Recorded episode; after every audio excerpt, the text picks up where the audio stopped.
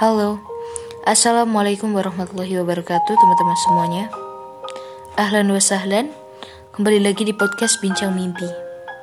Hari ini kita akan membahas season futur Dan tema yang aku angkat adalah mengulang dosa yang sama.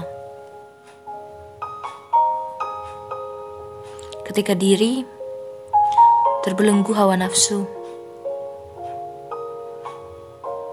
Ketika kita seolah tak takut lagi kepada Tuhan. Ketika mati hanya menjadi angan-angan.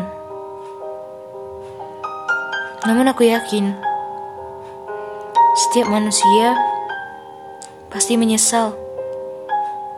Pasti menyesal atas kelakuan dia yang dahulu. Pasti menyesal atas dosa yang dia lakukan kemarin.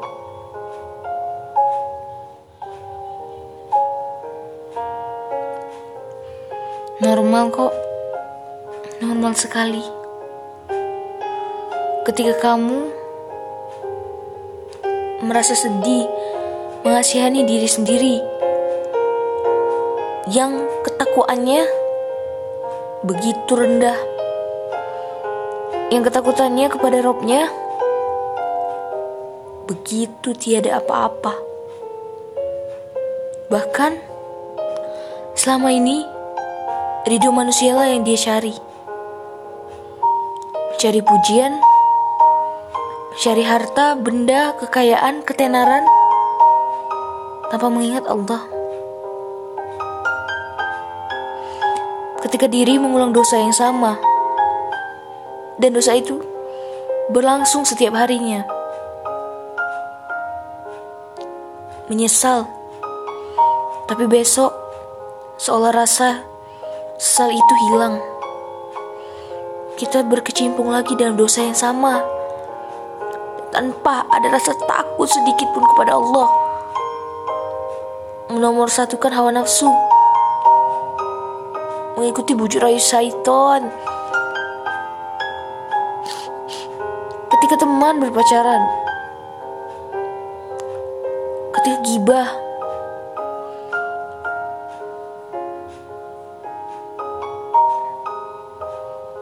ketika kita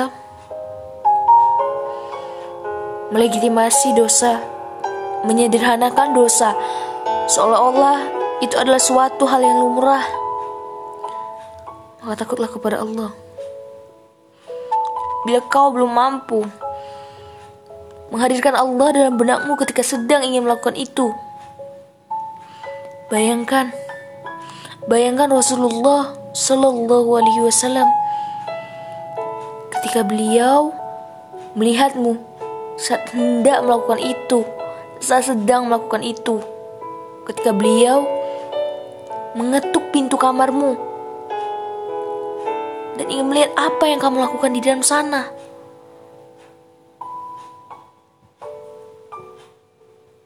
Apa? Apa yang dapat kita lakukan?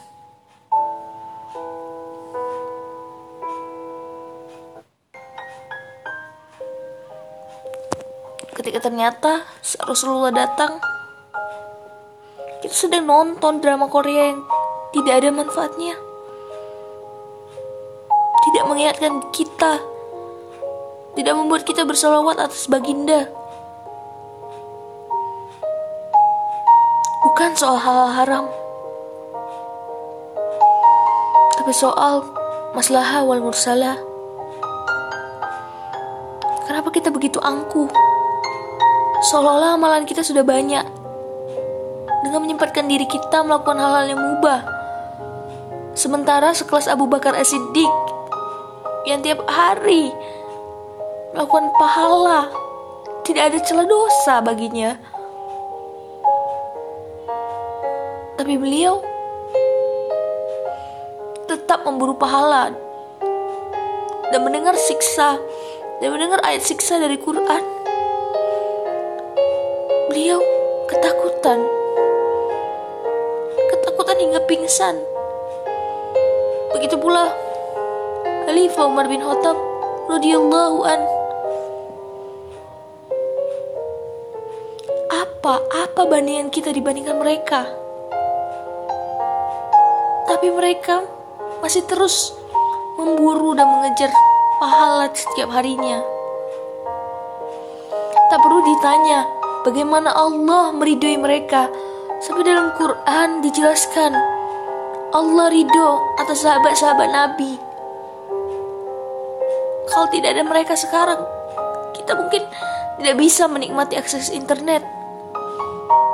Kita tidak bisa teman-teman hidup dalam kenyamanan.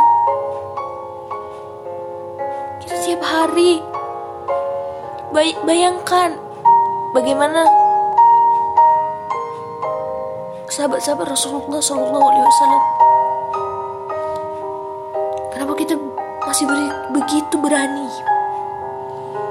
untuk menggibah, maksiat pacaran? Tanyakan pada dirimu, apakah aku ini masih takut kepada Allah? Apakah aku ini masih bertuhan? Atau aku menuhankan hawa nafsu? Atau jangan-jangan selama ini